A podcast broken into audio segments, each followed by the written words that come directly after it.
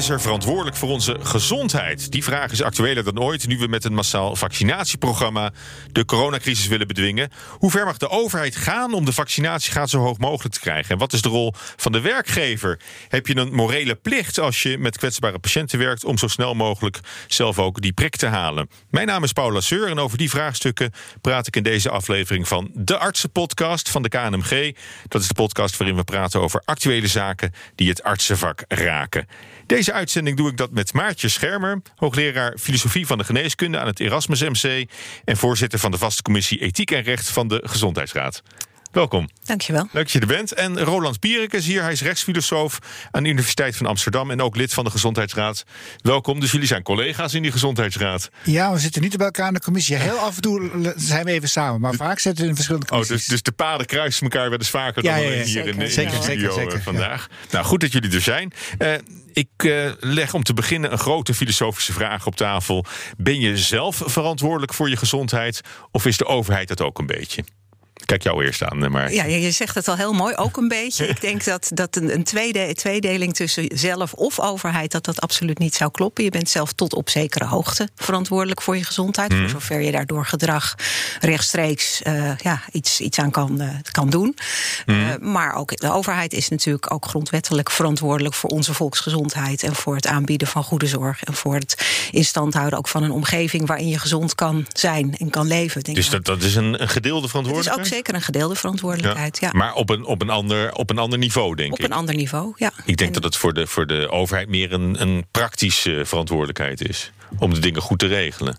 Nou ja, het is ook een, in, in die zin, voor zover je een overheid een morele verantwoordelijkheid toe kan schrijven, eh, denk ik dat de, de overheid ook een morele verantwoordelijkheid heeft om eh, een goede, eh, goede overheid voor de burgers te zijn. Een zorgplicht heeft naar burgers toe.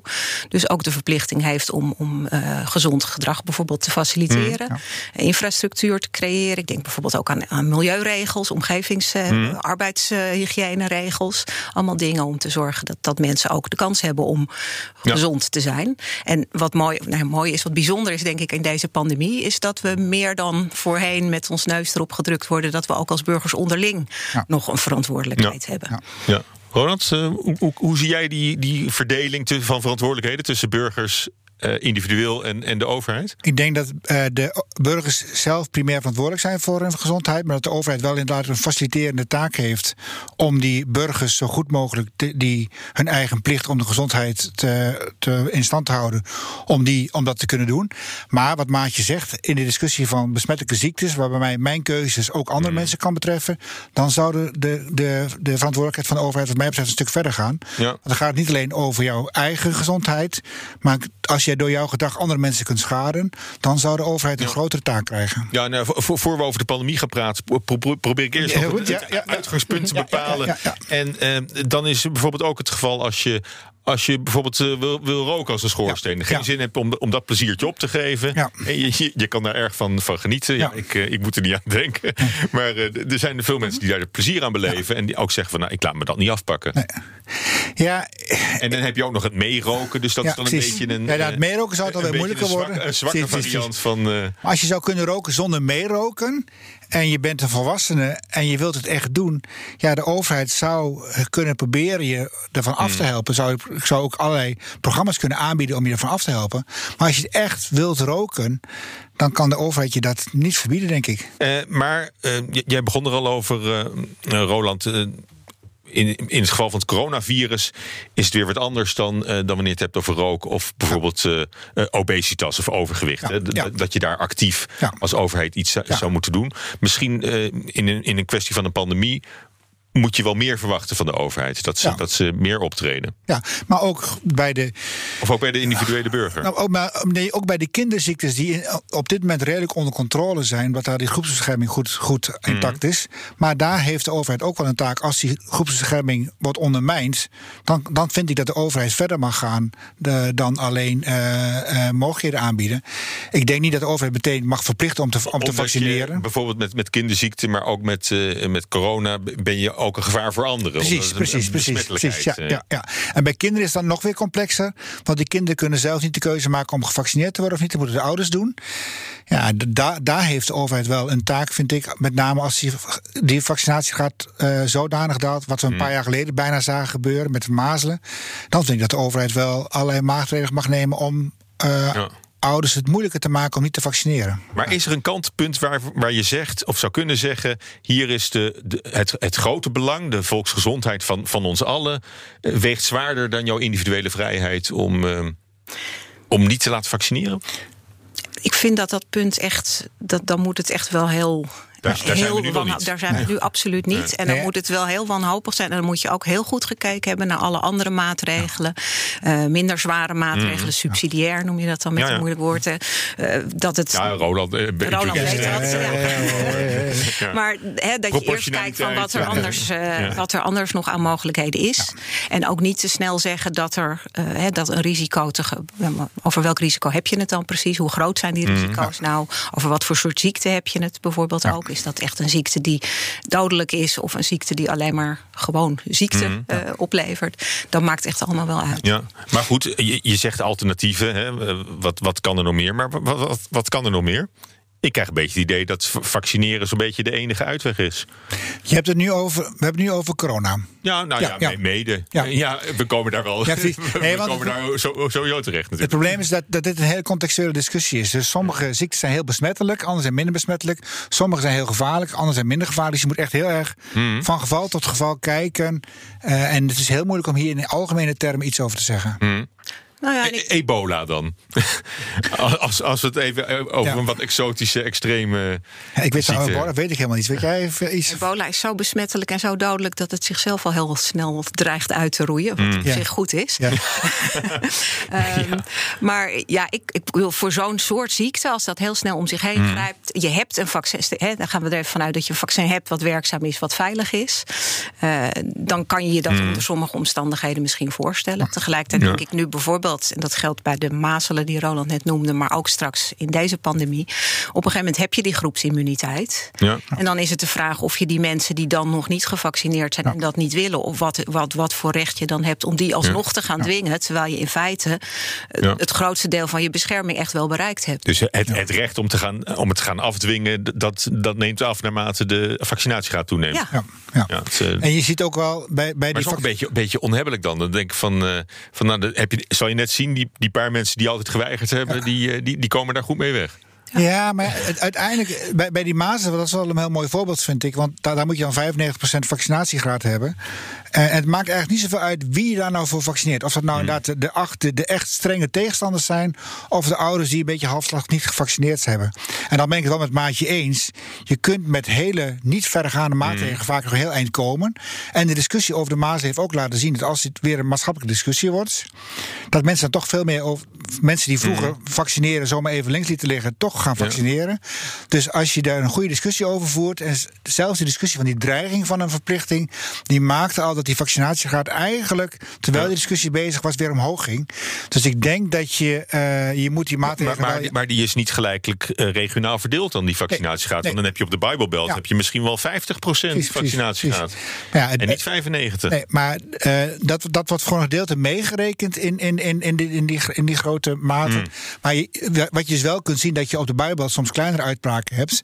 Maar grote uitbraken kun je nu niet krijgen, omdat we gemiddeld in Nederland echt wel goed Hmm. gevaccineerd zijn. Oké, maar nou heb je als overheid dus baat bij. En de doelstelling is om die vaccinatiegraad zo snel mogelijk, zo hoog mogelijk te krijgen. Kan je op weg naar dat doel niet toch al wat, eh, eh, ja, het, het, het al wat laten. Ja, ik, ik al wat moet, een- ik moet een heel klein beetje lachen, omdat ik denk, ja, de vaccinatiegraad nu is vooral afhankelijk van de levering van Ja. vaccins Mhm. en van het van de logistiekzaak. dus ik denk in die zin, eh, wacht, nou, wacht nou toch ook maar eens gewoon een beetje af hoe, hoe die vaccinatiegraad uiteindelijk uitpakt. Hoe is de vaccinatiebereidheid op dit moment? Die wisselt. Dat wordt bijgehouden door het RIVM eh, eigenlijk eh, in, in hun twee, drie wekelijkse metingen. Eh, die was voor december was die, lag hier ergens rond de 70 procent geloof ik. En zodra de eerste vaccins er waren op de markt en toegelaten, begon ook de vaccinatiegraad, eh, of de bereidheid te stijgen.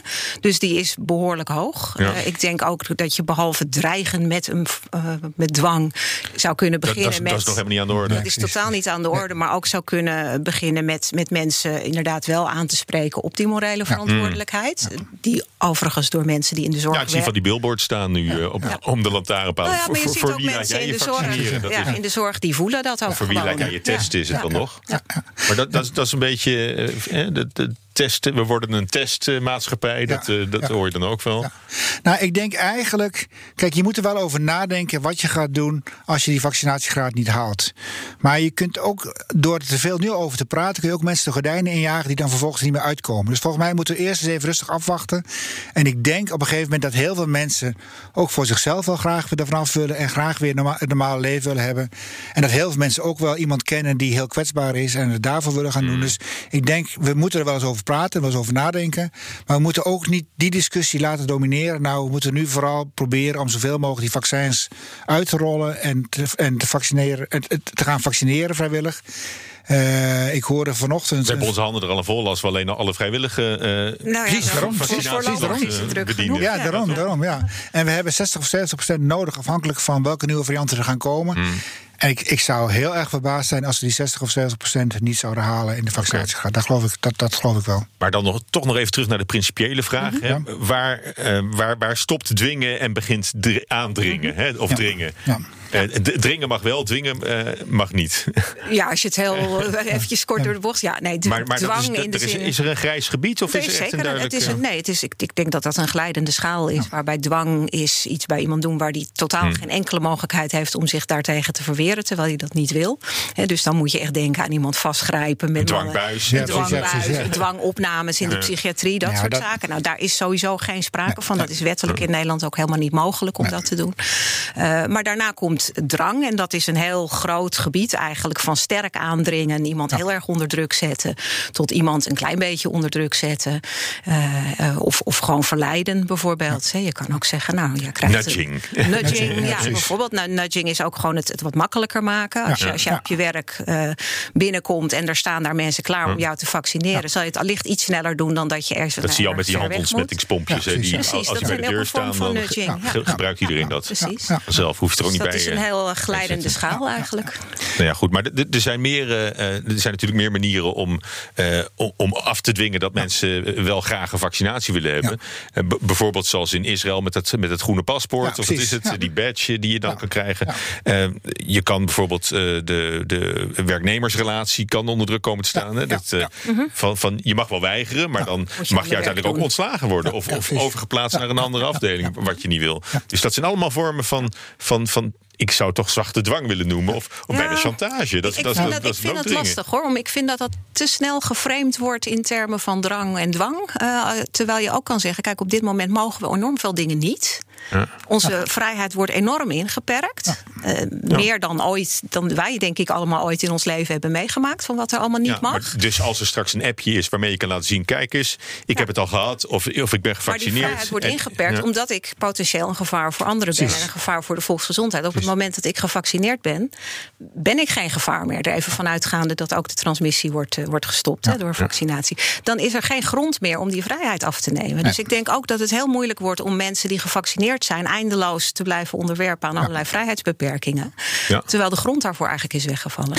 Maar, maar dat gaat pas spelen als er voldoende vaccins beschikbaar zijn.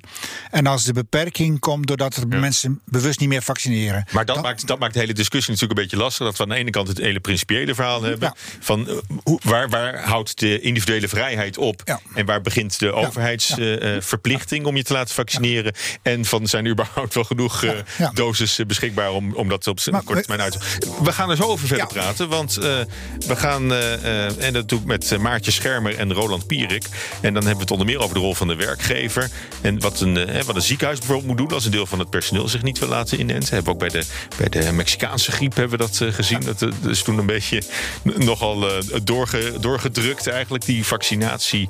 ja, dwang op dat moment. Maar we gaan nu eerst bellen met Peter Lemaire, de tuchtrechter. Dag Peter. Ja, hallo. Je hebt al even meegeluisterd, het laatste stukje. Uh, jij neemt het stokje over van Jeroen Recour, die we in eerdere afleveringen hoorden van deze podcast als uh, tuchtrechter. Jeroen heeft een nieuwe baan, maar uh, jij gaat voortaan in deze uitzendingen zaken uit het medisch tuchtrecht met ons bespreken. Ja, dat klopt, dat ga ik doen. Oké, en um, deze, nou, je, je maiden speech dan in, in deze podcast. Welke tuchtrechtzaak heb je voor ons opgeduikeld? Ik heb er een uh, uitgekozen uit de verloskundige praktijk. Hè, want uh, dat conflict van rechten en plichten, dat, uh, dat zie je heel veel in, in het recht, mm. in de rechtspraak en in de medische wereld, maar vooral ook bij verloskundigen. Want die uh, hebben zelf protocollen hoe je op een verantwoorde manier uh, zwangere vrouwen kunt helpen en kinderen ter wereld kunnen, kunt brengen. Ja. Maar uh, veel vrouwen die zwanger zijn, die hebben eigen wensen over het verloop van hun zwangerschap en de controle erop of geen controle erop. En uh, of ze thuis willen bevallen of in het ziekenhuis. En soms gaat dat in tegen de richtlijnen van de verloskundige. Oké, okay, en ja, zo'n zo geval had je, had je nu uh, bij de hand. Uh, er was een, een, een, zwangere vrouw en die, die wilde eigenlijk op een andere manier bevallen, wellicht dan de verloskundige voor ogen had? Ja, ja, dat klopt. Het was een, een, een vrouw die zwanger was van een tweeling en er was sprake van een stuitligging.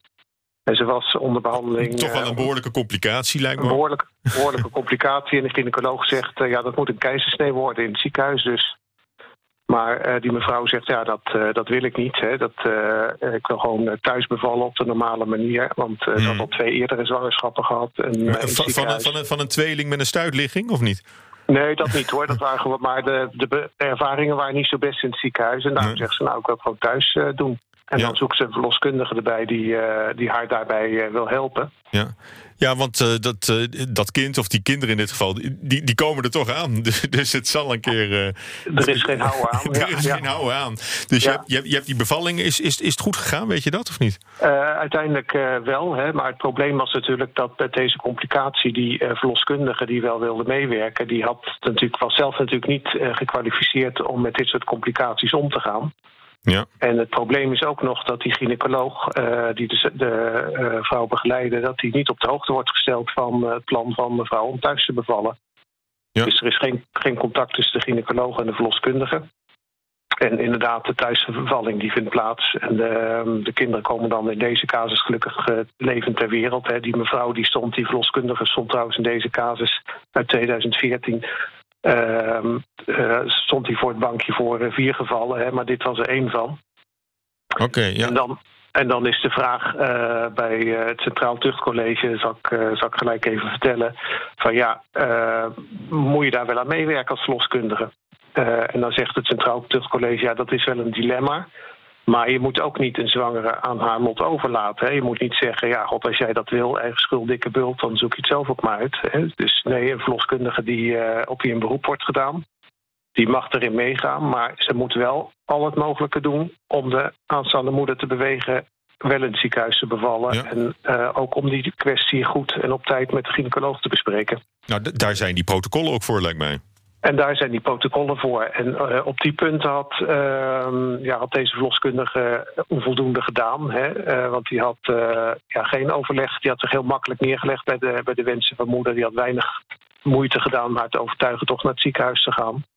En er was geen overleg met de gynaecoloog geweest. Dus het Centraal Tuchtcollege zei in dit geval... ja, dat is een schorsing voor één jaar als okay. uh, maatregel. Uh, maar het belangrijkste is wel dat uh, het tuchtcollege dan voor de verloskundige de richtlijn gaf van ja, als jij uh, voldoende inspant om een noodsituatie voor moeder en kind te voorkomen, dan kan jou geen tuchtrechtelijk verwijt worden gemaakt. vanwege het enkele feit dat je eigenlijk niet bevoegd en bekwaam bent om dit zo'n soort probleembevalling te doen. Oké, okay, dus, dus dat... maar wat was dan het eind van het liedje? En ook de, ook de les die we hier met, met z'n allen uit kunnen leren misschien? Ja, dat toch uh, de eigen wil van de, de eigen wensen van de patiënt uh, heel erg centraal staan. En, dat je, het heeft geresulteerd in een, uh, leidraad voor, van de KNOW, hè, de Koninklijke Nederlandse Organisatie van Verloskundigen. Uh, die heet Verloskunde buiten de richtlijnen. En de kern daarvan is: de zwangere beslist zelf. Maar je moet wel zorgen als verloskundige dat je goede informatie geeft, gaat gesprekken aan, probeer consensus te vinden, geef geen waardeoordelen. Hou de deur open, hè, dat die zwangere altijd Mhm. welkom blijft en eh, ja, zich niet vervreemdt van de praktijk en op de eentje op zichzelf staat. Ja. En goed, eh, de ja. verloskundige is niet verantwoordelijk voor de uiteindelijke uitkomst. Als jij als patiënt bewust kiest voor een bepaald risico, ook al gaat het over je kind, dan eh, zijn de consequenties, daar kies je dan bewust voor. Maar je moet het wel weten. Dankjewel, Peter Lemaire. En de volgende aflevering horen we je graag weer met de nieuwe zaak uit het tuchtrecht. Ik praat verder met Maartje Schermer. Zij is hoogleraar filosofie van de geneeskunde aan het Erasmus MC... en voorzitter van de vaste commissie Ethiek en Recht van de Gezondheidsraad. En Roland Pierik. Hij is rechtsfilosoof aan de Universiteit van Amsterdam... en ook lid van de Gezondheidsraad. Ja, Maartje, jij stond Nou ook ja, te, ik, te ik, ik knikken. sta ook te knikken. Het is inderdaad een bekende zaak die, die precies heel veel van dit soort eh, de dingen op scherp stelt. Ik, ik denk dat nog als toevoeging op wat gezegd werd, het gaat om de wil van de patiënt, maar het gaat ook nog eens om die lichamelijke integriteit. En dat vind ik ook echt wel heel belangrijk. En, dat, is- dat is keizersnede misschien ook wel het, het, het, het, het bruggetje met... is misschien met ook een brugje met dit, maar ik vind dat toch nog, nog, nog een stapje verder dan wat je wil. Is Mm. gewoon dat jouw lichaam van jou is en onschendbaar is en dat je daar niet aan mag komen. Ja, ja dat is een, een duidelijk verhaal. We, we hadden het eh, eh, over de rol van, eh, van de overheid. Ehm, ook ook in, in hoeverre die kunnen, kunnen dwingen of, Ja. of, of verplichten. Ja. Ehm, ik, ik, ik denk dat we gewoon weer teruggaan naar de, naar de coronadiscussie en het, Nou, vaccinatie. Of, of wil je Als nog je het iets goed, zeggen als je het goed vindt, zou ik misschien even een parallel willen maken naar de discussie over de vaccinatie, de vaccinatie tegen mazelen. Toen die vaccinatiegraad zo omlaag ging, toen eh, zag je dat op een gegeven moment ook de, de staatssecretaris wel bereid was om eventueel verdergaande maatregelen te, voor te stellen. Maar dan zou het gaan over dat kinderen die niet gevaccineerd zijn geen toegang meer krijgen tot de kinderopvang. En dat zou dan een manier zijn om ouders, eh, ouders dwingen. te dwingen. Ja. Maar dat, dat was eigenlijk wel een hele charmante manier om dat te doen. Want eh, niemand is verplicht om naar de kinderopvang te gaan. Er is ook geen plicht. nee, Het is, er is wel een schoolplicht, maar geen kinderopvangplicht. Mhm. Dus je kunt zeggen, van op deze manier kun je ouders. Je ontneemt dan eigenlijk iets wat ze zelf graag willen, namelijk gebruik Ja. maken van de kinderopvang. En dat zou een manier. Het is geen nudge meer, want het is echt een beperking van, van, van. Ja. keuzes van ouders. Maar daarmee kun je wel zeggen: van ja, in die kinderopvang, daar zou de besmetting heel snel plaatsvinden. Dus het is ook voorstelbaar dat Ja. je daar dan die maatregelen op richt. En je kunt zeggen: want daarmee kun je op een indirecte manier die ouders toch dringen, dwingen, ja, hoe je het ook wilt noemen, Mhm. in die richting van vaccinatie. En daarmee krijg je dus eigenlijk dat die ouders die.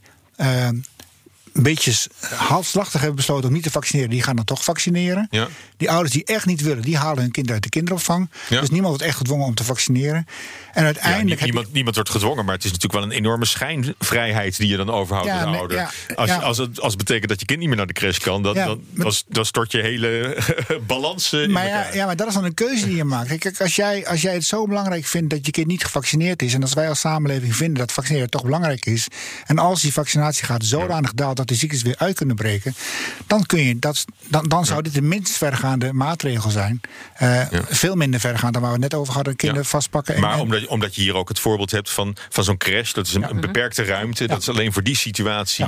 Is dat, eh, kan je dat Ja, heel precies dat is eh, natuurlijk fine-tunen? wel een beetje waar we nu met de coronacrisis ook de discussie over hebben. Over vaccinatiebewijzen of over testbewijzen. Wat ook een heel. Ja. mooi Dat- eh, dat- dat- dat- als je, lichter als je middel werkt is. met, kwetsbaren, dan. nou, eh, bijvoorbeeld, maar ook als je het hebt over weer openen van, van eh, nou, de- hè, we zien de testlabs, de festivals, Ja, ja, ja, eh, de bioscopen, allemaal gelegenheden waar wellicht eh, besmettingen makkelijker optreden. Ja. Ook daar zou je kunnen zeggen, als je daar een testbewijs of een vaccinatiebewijs voor moet tonen, dan wordt jou niet enorm iets ontnomen. Ja, het is jouw keuze om daarheen te gaan. Het is niet een essentiële voorziening. Maar, maar stel, je bent, je bent principieel op tegen dat je een, een bewijs van vaccinatie bij je moet dragen. Of, of zo'n vaccinatiepaspoort. Hè. Zoals eigenlijk in, in Israël werkt dat eh voor mij redelijk goed. Dat, dat ze nu die, die, zo'n zo'n groene button hebben of zo. Of een groen eh, vaccinatiepaspoort. En daarmee kunnen mensen weer naar, naar restaurants en, en weer naar, naar, naar eh, Nou, er is dus een groot verschil van waar kan je dan wel en niet meer hè? Mag je niet meer de straat op zonder zo'n ding? Want, dan, is, dan gaat het niet meer over een crash. Dan gaat het Dan echt gaat het, over, ja, over het openbare het leven. Maar gaat het over het hele openbare leven? Gaat het er bijvoorbeeld om dat je niet meer naar school zou kunnen, niet meer naar de zorg zou kunnen? Dat zijn allemaal dingen waarvan wij dat zeggen nee. de angst natuurlijk. Daar wil je natuurlijk gewoon wel hè, voor de Ja. zorg. Je gaat niet een patiënt weigeren omdat hij niet gevaccineerd is. Dat zou de wereld op zijn kop zijn. Hmm. Ja. Eh, maar als je het hebt over een eenmalig festival, dat is nou niet echt dat je zegt, nou dat is zo essentieel, dat mag je, dat, dat, daar moet je toegang toe hebben. een beetje een, een eh, verkleinde versie van, eh, van overheid en burgers. eh, kun je zeggen, zijn ziekenhuizen met hun medewerkers. Ja. En, en da- dan is daar ook de vraag van wat eh, kan een ziekenhuis van zijn personeel vragen dat iedereen zich laat inenten? Vragen kan altijd. Vragen kan altijd. De vraag is even wat, mensen, wat het ziekenhuis mag doen als iemand niet wil vaccineren. Nou, het, in het arbeidscontract staat dat je je werk zo goed mogelijk moet doen. in de opdracht van, van je Mhm. werkgever. Eh, als je werkt op een afdeling waarbij die vaccinatie van belang is ter bescherming van de mensen met wie je werkt. Mhm. Dat zijn heel veel afdelingen niet zo, maar een aantal afdelingen wel. Ja, als je dan toch weigert om te vaccineren en je kunt dan die rol niet vervullen, dan kan je werkgever, zou je dan moeten proberen op een andere plek neer te zetten, Mhm. waar je niet, niet, niet kwetsbaar bent. Maar als die plek er niet is, kan die werkgever op een gegeven moment een ontslagprocedure beginnen, omdat je gewoon je werk niet meer kunt doen. Ja. Maar goed, hoe, hoe, hoe serieus en kan je die vrijheid dan nog nemen? Als, als dit de consequentie is, als je je vrijheid uitoefent. Ja, maar eh, kijk, je kunt ook zeggen van als ik eh, arts wil, chirurg wil worden, moet ik mijn diploma hebben. En er zijn gewoon. Met dit soort functies zijn er gewoon een aantal voorwaarden waar je moet doen. Als ik eh, taxichauffeur wil zijn, moet ik een rijbewijs hebben. Nou, zo geldt misschien ook wel. Als jij werkt met heel kwetsbare mensen en er zijn vaccins beschikbaar die veilig en effectief zijn, dan kan van jou verwacht worden, net zoals bij die taxichauffeur een rijbewijs verwacht kan worden, kan van jou verwacht worden dat je je gaat vaccineren. Omdat het gewoon belang, van belang is voor een goede zorg voor die mensen. Ja. En als je dat niet Maar wilt. goed, eh, het is wel een beetje de spelregels tijdens de wedstrijd veranderen. Omdat eh, die, die, die- je, je bent daar al in dienst en ineens Ja. doet zich zo'n pandemie voor. Ja, maar ja, ja, ja, ja inderdaad. Ja, dat, dat, ja, dat. En? Nou ja, goed, daar heb je niet in, in, eh, mee ingestemd van, te, van tevoren Nou ja, per dat, se. dat, dat is niet helemaal waar. Maar Nee. je hebt natuurlijk als, als arts, hè, maar eventjes terug naar de artseneet eh, te gaan. Ja, je belooft gewoon om, om je in te zetten om ook het belang van je patiënten zo goed mogelijk Ja. te dienen. En daarom draag je ook handschoenen en een mondkapje als je gaat opereren. Ja. En dan ligt dit in het verleng. Ik vind nog steeds wel een verschil. Ik weet niet of ik daar zwaarder aan hecht dan, dan Ronald, die lichamelijke integriteit. Ja. Eh, ik denk zolang je ook met beschermingsmiddelen eh, gewoon goed kan werken zonder een gevaar voor anderen te zijn, vind ik dat nog steeds ook een alternatief.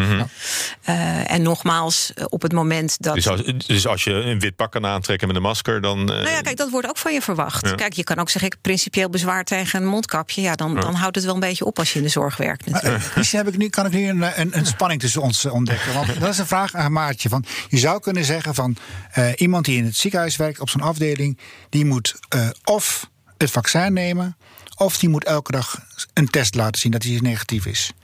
Vind jij dat die dat ziekenhuis de komende 20 jaar voor mij elke dag die test moet betalen? Of vind jij op een gegeven moment dat het mijn plicht is om die test te betalen als ik niet bereid ben om te vaccineren? Nou ja, ik denk niet dat we in een situatie blijven waarin dat dagelijks moet gebeuren. Ik denk dat je dan inderdaad moet zeggen van nou, dan, dan krijg je niet de keuze tussen vaccineren en dagelijks testen. Dan krijg je de Hmm. Dat keuze tussen vaccineren of naar nee. een andere afdeling Ja, gaan. ja. Eh, dat, dat kan je natuurlijk best zeggen. Eh, ik, ik ben eerlijk gezegd hier, hier nog wat banger bijna dan bij de maatschappij. Dat we op een gegeven moment wel heel erg hoge eisen gaan stellen aan hoe veilig het dan allemaal moet zijn. Hè, want we, we eisen nu ook geen griepvaccinatie. Terwijl we. Nou, ben benieuwd hoe de discussie daarover nu gevoerd Ja, gaat worden. Nu we ons realiseren hoeveel mensen daaraan overleden zijn. Ja. Eh, maar je moet ook op een gegeven moment zeggen: van ja, natuurlijk een, een klein risico. eh, Ja. Dat hoort ook bij het leven. Nou, we, we begonnen over, eh, over gedeelde verantwoordelijkheid, hè, dit, dit gesprek. Hè, van de, de, de overheid en, en de burger hebben, hebben beide een, een, een verantwoordelijkheid die, die er iets anders uitziet. eh, want het, het, het bereik is, is anders natuurlijk van die verantwoordelijkheid. Ehm, als je nou kijkt naar de werkgever-werknemerssituatie, dan lijkt die, die verantwoordelijkheid voor de, voor de werkgever wel groter te zijn dan die, dan die voor, de, voor de overheid is in een individueel geval. Nou ja, die, die is ook sowieso dubbel. Want die is zowel naar de werknemer als naar de, naar de cliënten of de patiënten toe. Ehm, en in zekere zin liggen die verantwoordelijkheden van die werknemer en die werkgever in de zorg natuurlijk in elkaars verlengde. Namelijk die goede zorg voor die Ja. patiënt te waarborgen. Ja. Ehm, dus ik weet niet of daar, dat daar heb je groter de is eet dan. voor afgelegd. Of, of ja, daar dat, heb je, dat is toch echt je beroeps. Ik, ik, ja, in zekere zin vind ik het ook een beetje Hmm. een hypothetische discussie, omdat ik me afvraag hoeveel mensen die in de zorg werken nou echt uiteindelijk gaan zeggen: Nou, van, ik wil dat niet. Bij de Mexicaanse griep, en daar, daar hadden we het heel kort al even over. Eh, eh, wanneer was hij? Tien jaar geleden of zo? Ja, 20, zoiets, 20 jaar geleden? Weet niet, al, al, al we eer, eerder deze eeuw geleden, ja. hadden we die Mexicaanse griep. En, eh, en toen was, is, er- is er een vrij vlot eh, eh, vaccinatieprogramma uitgerold. En eigenlijk is dat ook vrij snel de kop ingedrukt. Want eh, het, het komt alleen hier steeds ter sprake, die Mexicaanse griep. Maar volgens mij weten heel veel mensen al niet eens meer dat we daar eh, toen eh, mee te maken hadden. Maar achteraf hebben vrij veel, eh, eh, ik geloof vooral ver- verpleegkundigen, geklaagd dat ze zich wat onder druk gezet voelden. En voor ze, voor ze het wisten waren ze al gevaccineerd. Terwijl ze er eigenlijk wel even wat meer eh, bedenktijd voor hadden gewild. Of, uh... Ja, maar ik denk dat dat ook heel reëel is. Ik denk dat een deel van de, van de aarzeling bij mensen... want dat is ook vaak, het zijn helemaal geen weigeraars. Het zijn gewoon mensen die zeggen... nou, ik wil graag eerst even wat meer weten voordat Als het ik me niet echt laat... hoeft, geen. Ja, of, en ik wil ook even weten, wat krijg ik dan? En hoe zit dat dan? En wat is daarover bekend? Dat zijn hele reële vragen. En ik denk, die moet je natuurlijk eerst beantwoorden. En je moet daar gewoon informatie over geven. Ik denk dat als dat eenmaal gebeurd is... vraag ik me af hoeveel mensen echt principieel weigeren uh, om, om, dat, uh, om dat te doen als je met kwetsbare patiënten werkt. Ja. En uh, hoe, hoe kun je dat meten? Van, van, van tevoren, we, we hebben natuurlijk die, die enquêtes die al worden gehouden, RIVM, hè, over de vaccinatiebereidheid. Ja. Want wat, wat de komende maanden geldt natuurlijk, en, en daar, daar wilde ik eigenlijk mee, mee afronden, is hoe gaan we die gewenste vaccinatiegraad, 60, 70 procent, Roland? Uh, hoe, gaan we die, hoe gaan we die bereiken? En, en, zien jullie dat een beetje, een beetje voor je de komende tijd? Ik ja, heb ik het idee hoop... dat jullie er niet zo zwaar aan tillen. Nee. Of het, uh... Nou, eerlijk gezegd niet zo. Ja, ik, ik, denk vooral voorlopig van uh, een beetje opschalen met dat inenten. En waar blijven die vaccins? En ja. Maar, dat, maar dat is gewoon omdat er een praktisch tekort is. Op dit moment is het volgens mij een praktisch tekort. En ik denk soms bijna van, nou, daardoor wordt het een schaars en gewild goed. Dus misschien wordt iedereen nu vanzelf wel zo van, ik wil ook dus, een vaccin. De sfeer goed, wordt al meer in die Het is jullie vak als, als filosofen, dus jullie hebben het erover. Maar eigenlijk eigenlijk hoor ik je zeggen van, uh, van la, laten we niet uh, voor het zover is al, al zo enorm nee, over. Ook, uh... ook, niet, omdat ik denk, en dat heeft Roland eerder al genoemd, dat speelde ook bij de, de casus van de zwangere vrouw. Als je mensen maar als je meteen in de drangstand en de dwingstand schiet, mm. uh, meteen mensen onder druk gaat zetten, dan krijg je tegenreactie. Dan krijg je alleen maar botsing en wrijving. En dan worden, gaan mensen mm. met de hakken in het zand. Ja. Ik denk dat je dat helemaal niet moet doen. Als je ja. niet eerst geprobeerd hebt om mensen gewoon te overtuigen, te vragen wat hun bezwaren zijn, daarop dus, in te gaan, et cetera. Dus uiteindelijk wordt die hele vaccinatieweigeraar wordt helemaal niet zo'n grote issue. Nee, we zagen ook even terug naar die, die kindervaccinatie. Op een gegeven moment hadden we in de gaten dat die vaccinatie gaat afnam. Toen werd er meer tijd besteed in het consultatiebureau om gewoon mm. met ouders te praten van wat is nu precies uw vraag. En ik snap dat het spannend is en mm. dat, u, dat u twijfels heeft. Dat gesprek werd gewoon aangegaan, één op één. En toen werd het heel makkelijk. Toen, toen, toen kon je die ouders heel goed Mm. overtuigen dat het goed is om te vaccineren. Nou, hier zal het wat moeilijker zijn, want je hebt hier niet die, datzelfde wat je bij die kinderen en die uh, consultatiebureaus had. Maar uiteindelijk ook hier gaat volgens mij mensen gaan gevaccineerd worden. We zien in Israël, we zien in de verzorgingstehuizen dat de, de besmetting enorm omlaag gaat naar die vaccinaties. We zien eigenlijk heel weinig bijwerkingen. We hebben nu die AstraZeneca en die uh, trombose. Mm. Daar moet je even goed op letten. Maar uiteindelijk zullen mensen toch zien dat die vaccins eigenlijk heel goed werken. En ik, ik Ja. ben er helemaal niet bang voor dat we die En, en, 70% vo- en halen. voordat die vraag echt aan de orde komt, hebben we al de. de Hoop de- ik dat de- we die de drempel gewoon eh, Ja, precies. bereikt hebben we dan hebben. Precies. Ja, Ja. ja. Dus dan, eh, dan, dan, dan lost het zich vanzelf misschien wel een beetje op. Ja, en ik denk ook dat het heel Met een belangrijk beetje geluk. Met een beetje geluk. En ik denk ook dat het belangrijk is dat we het zo snel mogelijk doen. Want het is wel zo. zo zolang we dat niet bereikt hebben, die drempel, kunnen die mutaties eh, voortgaan. En dat betekent. eh, en, en dan wordt het alleen maar erg. Dus we moeten zowel in Nederland als in de wereld zo snel mogelijk proberen iedereen gevaccineerd te krijgen. Dus als we over een paar maanden in Nederland klaar zijn, dan moet Nederland ontzettend hard gaan werken om heel veel vaccins in te kopen Ja. en naar landen te sturen waar ze die ze zelf niet kunnen betalen. Want dat is niet alleen om die mensen daar te helpen, maar uiteindelijk ook om onszelf te helpen om die ziekte, als die ziekte, zolang mensen in die wereld ziekte kunnen krijgen en mutaties kunnen voortkomen, blijven wij ook kwetsbaar. Dus er is wel haast, eh, haast Er geboden. is haast geboden, ja. Maar, maar filosofisch en, en principieel en, eh, is dat. eh, Ik ben er niet zo bang voor dat Nederland die vaccinatie wel gaat nemen. Voldoende mensen. Ik, Ik- denk dat er ook best behoorlijk goed over gedelibereerd, gewikt en gewogen wordt. En eh, ik vind het ook heel goed dat dat in Nederland een, ook een openbare publieke discussie is. Dat mensen daar ook een zegje in kunnen. nou, dat hebben wij net ook eh, gedaan hè, het afgelopen half uur. Eh, Heel veel dank daarvoor. Het was een leuk gesprek. Eh, Roland Pierink, rechtsfilosoof aan de Universiteit van Amsterdam... en ook lid van de Gezondheidsraad. En Maartje Schermer, hoogleraar filosofie van de geneeskunde... aan het Erasmus MC en voorzitter van de vaste commissie Ethiek en Recht... van die Gezondheidsraad. Dank jullie wel. Dit was de artsenpodcast van de KNMG. Mijn naam is Paula Seur. Dank voor het luisteren. En wil je nu geen aflevering missen? Abonneer je dan op deze podcast. En dan hoor ik graag weer bij een volgende uitzending. Dank u wel.